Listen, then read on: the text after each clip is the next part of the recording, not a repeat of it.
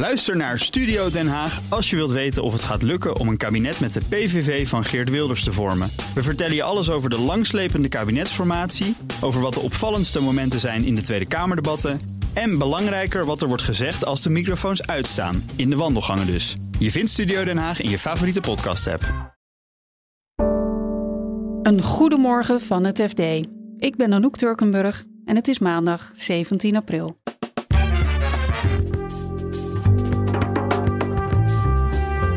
Het PFAS-verbod zorgt voor onrust bij bedrijven. En die zijn nu als een gek zeg maar, allemaal een kaart aan het brengen van waar zit eigenlijk PFAS in en bestaan er alternatieven, hoe duur zijn die alternatieven. De Europese chatbots lopen mijlenver achter op de rest. We kunnen het niet gebruiken. We kunnen ook zelf niet goed iets ontwikkelen. Dus in alle opzichten is dit een hele ongunstige situatie. En waar het IMF somber is, zijn beleggers juist opvallend positief. Maar minder groei, misschien wel een recessie, wie zal het zeggen. Dat is natuurlijk helemaal niet goed voor aandelen. Dit is de dagkoers van het FD. Het zit in bijna alles. Van pizzadozen en kleding tot chips en medische apparaten. Toch zal PFAS, als het aan de EU ligt, over een paar jaar nergens meer te vinden zijn.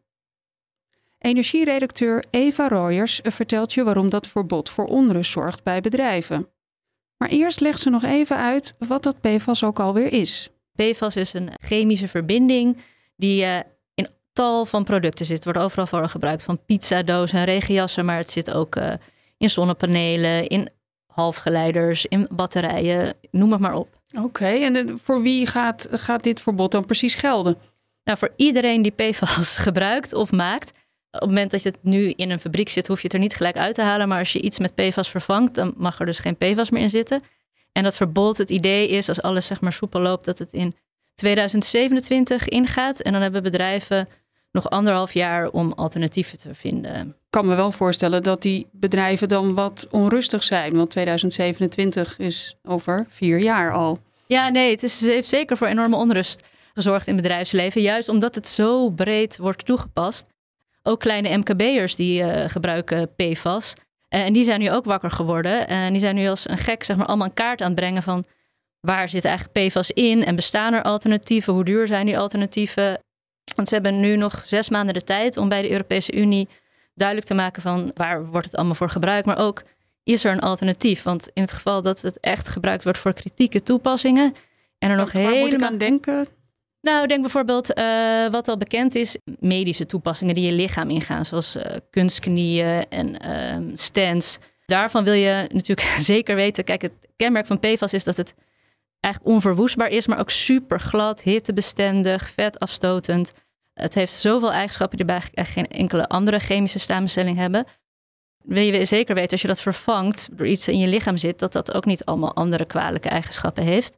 Dus voor die medische toepassingen is er nog geen zicht op een alternatief. En het is heel belangrijk dat die er wel blijven bestaan. Dus daarvan, die krijgt waarschijnlijk de maximumtermijn om met een alternatief te komen 12 jaar. Maar je ziet nu de hele sector wakker worden. Hé, hey, wat wij doen is ook heel belangrijk en kritiek. Wij willen ook 12 jaar. Ik maak dan wel regenpakken, maar, maar is ook heel belangrijk. ja, inderdaad. Niemand mag nat worden. Ja. ja. Even voor mij als, als leek. Het klinkt voor mij heel gek dat PFAS als stof wordt verboden vanwege uh, schadelijke gevolgen. Maar je kunt daar dus wel een kunstknie van in je lijf hebben. Ja, snap ik dat dat vraag oproept. Dus het klinkt heel dubbel, hè? Dat komt omdat als PFAS eenmaal zijn verwerkt in een product ze veelal veilig zijn. Maar waar het grootste probleem zit, zijn de bedrijven die PFAS maken. Daarbij komen giftige PFAS in de lucht en in het water terecht. Er is ook een fabriek in Nederland die PFAS produceert en dat is geen moers in, in Dordrecht. Jij bent daar recent op bezoek geweest. Hoe, hoe kijken zij naar deze discussie? Want zij moeten echt iets uh, gaan ondernemen. Ja, klopt. Ja. Een Amerikaanse topvrouw die was uh, overgevlogen uh, naar Nederland en die gaf een interview aan ons ook omdat ze nu aan het lobbyen zijn tegen dit verbod. Want Gemoers vindt dat een heel slecht idee. Logisch, zij maken het. Als het verboden wordt, dan zijn ze, is die businesslijn gewoon, kunnen ze opdoeken. Dus zij zijn nu aan het lobbyen voor, hè, tenminste dat is wat ze zeggen, dat ze willen, maken een uitzondering voor gewoon die hele belangrijke toepassingen waarvoor wij PFAS maken. En zorg gewoon, hè, zorg dat we die uitstoot terugbrengen. Daar zijn we ook heel veel mee bezig. Dat het niet meer in het milieu terechtkomt, dat de recycling goed geregeld is. Maar ga nu niet alle PFAS verbieden. Er zijn ook voorstanders uiteraard van het uitroeien van de, van de PFAS. Wat zeggen zij van die termijn? Is, is die haalbaar of zitten die bedrijven van de regenpakken bijvoorbeeld eigenlijk wat te zeuren? Nou, kijk, je moet sowieso onderscheid maken tussen allerlei verschillende soorten PFAS. Bijvoorbeeld voor koekenpannen. Er zijn nu al gewoon koekenpannen zonder PFAS die ook niet aanbakken. Voor regenkleding zijn er ook al alternatieven komen er op de markt. Maar ik heb ook een hoogleraar gesproken die zich verdiept in deze materie. En die zegt, ja, er zijn inderdaad voor bepaalde toepassingen, zoals bijvoorbeeld in halfgeleiders of in batterijen voor uh, elektrische auto's, gaat het echt heel moeilijk worden om alternatieven te vinden. Maar tegelijkertijd zegt voorstanders ook, ja, het is echt niet voor niks dat we met dit verbod komen. Als PFAS eenmaal op milieu terechtkomen, breken ze eigenlijk nauwelijks meer af. Over heel de wereld in alle wateren wordt al PFAS aangetroffen. En het RIVM, die namens Nederland aan dit verbod heeft gewerkt, zegt ja, we zijn nu al op die kritieke grens van hoeveel PFAS nog enigszins gezond is in het water. Als we hiermee doorgaan, dan stapelen die hoeveelheden zich op en dan hebben we gewoon echt een probleem. Terwijl het Amerikaanse ChatGPT wereldwijd klaslokalen en arbeidsmarkten bestormt, blijft het bij de concurrenten uit Europa angstvallig stil. Toch was er een jaar geleden nog een veelbelovend Europees alternatief in de maak. Tech-redacteur Jan-Fred van Wijnen vertelt waarom dat slimme AI-programma nu ver achterloopt. Vorig jaar, halverwege vorig jaar, waren er twee programma's die voor wetenschappers ja, enorm ingewikkelde en geavanceerde taalprogramma's hadden gemaakt. En een daarvan was een uh, Europees programma, Bloom. Daar werkten zo'n duizend wetenschappers in heel Europa aan mee. Het, uh, het werd ontwikkeld op een Franse supercomputer. En die, uh, ja, die hebben dat in hun wetenschappelijke kringen en natuurlijk ook wel online gewoon na te lezen. Maar die zijn daarna gewoon lekker gaan doorprutsen om het steeds beter te maken. Maar OpenAI, het bedrijf achter ChatGPT, die heeft vrij snel toen zo'n zo'n publieksinterface gemaakt. In november gelanceerd. Het werd in één klap wereldwijd ingevoerd en wereldberoemd. En, en ook berucht door de vreemde en totaal niet kloppende antwoorden die het programma geeft. Maar iedereen herkende dat er iets heel bijzonders gebeurde. Dus door iets naar buiten te brengen dat voor Europese wetenschappers helemaal niet volmaakt was, heeft uh, OpenAI toch uh, de race, waar verder eigenlijk niemand mee bezig was, de race gewonnen. Ja, ja, en, en een voorsprong genomen die niet meer is in te halen. Ja, dus Europa stond op achterstand uh, ja. eigenlijk al meteen, staat op achterstand.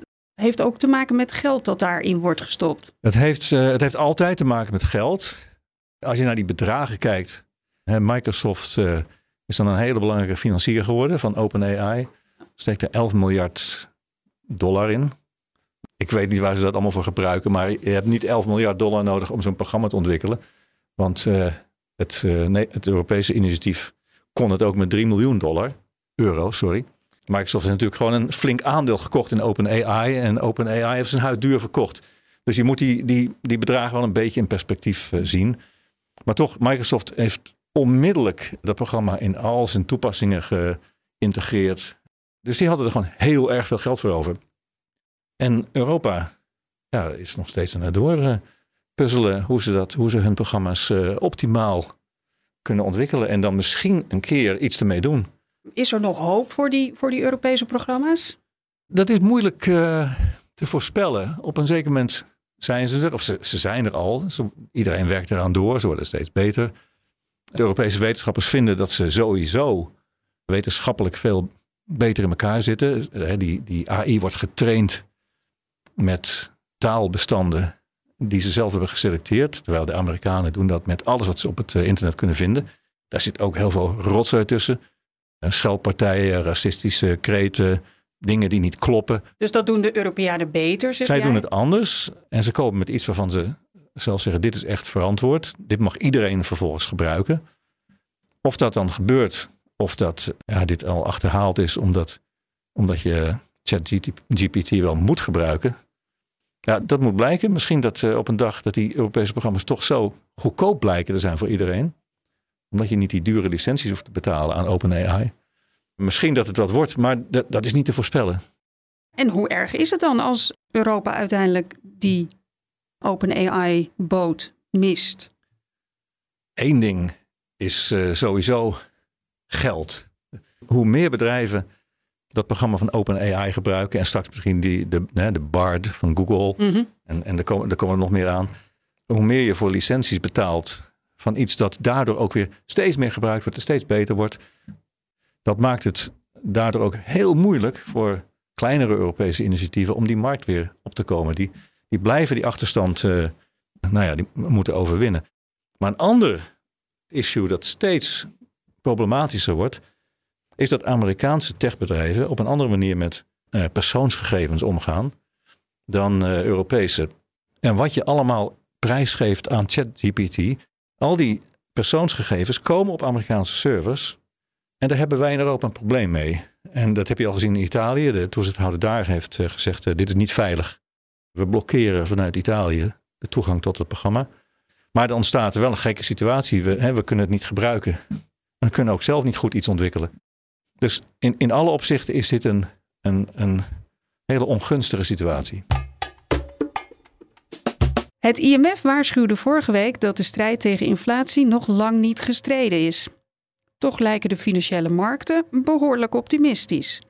Je hoort van redacteur macro-economie Marijn Jongsma waarom die verwachtingen zo uiteenlopen. Ik denk dat het begin van de verklaring is dat het IMF een andere rol heeft dan, dan beleggers natuurlijk. Het IMF is zeg maar de, de laatste partij waar je heen kunt gaan in tijden van crisis. Uh, dus die zijn altijd heel erg geneigd om te kijken naar waar de problemen zitten. Dus ze zijn heel erg gericht op het zoeken naar waar de zwakke plekken zitten. En je hebt natuurlijk gezien de afgelopen tijd dat iedere keer als we dachten dat die ging dalen, dan leek het maar mondjesmaat te zijn. We hebben zelfs nog een klein stijgingje gehad eerder dit jaar. Door al die tegenvallers zijn centrale bankiers en IMF wat voorzichtiger geworden in uitgaan van sterke daling van de inflatie. Beleggersstrategen hebben veel meer de neiging om vooruit te kijken. Dat is wat beleggers doen. Hè? Je koopt een aandeel en je hoopt dat het meer waard wordt. En die zeggen, ja, wij zien allerlei andere dingen, namelijk al die dingen die inflatie veroorzaakten. Nou, energieprijzen, nou, die zijn als een dol aan het dalen. Dat kent ook niemand. Maar ze zien ook bijvoorbeeld dat de verstoringen in de aanvoerketens, dat die ook worden opgelost. Hè? Dus je hebt al die lockdowns in China en dergelijke, waardoor producten niet op tijd uh, uh, naar Europa kwamen of helemaal niet. Er zijn allerlei factoren waar ze waarvan beleggers zeggen, nou wij zien een duidelijke trendbreuk. En, wij gaan, en die inflatie gaat dalen. En ja, als de inflatie gaat dalen, ja, dan hoef je natuurlijk ook die rente niet meer zoveel te gaan verhogen. Dan is het, zit de plus er bijna op. Dan natuurlijk de hamvraag. Wie gaat er aan, aan het einde gelijk krijgen? De financiële markt of dan toch de behoudende bankiers bij het IMF? Ik zou het je niet uh, durven te zeggen, eerlijk gezegd. Wat wel zo is, in ieder geval, is dat uh, wat de uitkomst ook mag zijn. Als de rente hard oploopt, dan worden aandelen minder waard. En als de rente minder hard oploopt dan eerder werd gedacht, nou, dan kan er weer wat opluchting ontstaan. Maar er zit er wel een soort rare paradox in, vind ik zelf. En dat stemt dan wat, wat somberder eigenlijk. En dat, en gaat over de, de oorzaak eigenlijk van die inflatiedaling. Want een van de redenen die beleggers ook opgeven is van ja, kijk, je ziet dat de economie wat, uh, wat minder hard groeit. Inflatie zal omlaag gaan. Maar dan denk je bij jezelf, hé, hey, wacht even. Oké, okay, lagere rente, goed voor aandelen. Maar minder groei, misschien wel een, een recessie, wie zal het zeggen. Dat is natuurlijk helemaal niet goed voor aandelen. Dus je ziet nu eigenlijk op de beurs, als er, als er slecht nieuws over de economie is, dan denken beleggers, oh mooi, dan hoeft de rente niet zo ver omhoog. Goed voor de aandelen. Maar er komt natuurlijk een punt waarbij rentestijgingen die we al gezien hebben, toch wel in gaan hakken in de economie. Dus we zitten in een soort tussenfase, zou je kunnen zeggen, de economie draait nog heel behoorlijk. De effecten van die hogere rente uh, moeten eigenlijk nog komen. En als dan de rente een beetje daalt, dan zijn aandeelhouders blij, zijn beleggers blij. Denken van nou, uh, dit komt mooi uit. Alleen de diepere oorzaak daarvan, dat zou wel slecht kunnen aanpakken, uitpakken. Dus in die zin wordt het toch wel spannend de komende jaren.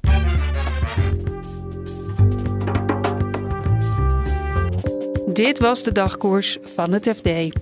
Morgen zijn we er weer met een nieuwe aflevering. En ondertussen lees je al het laatste financieel-economische nieuws in onze app. Voor nu een hele fijne dag en graag tot morgen.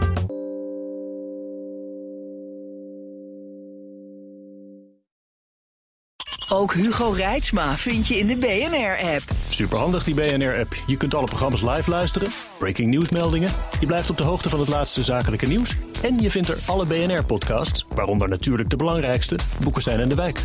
Download nu de gratis BNR-app en blijf scherp.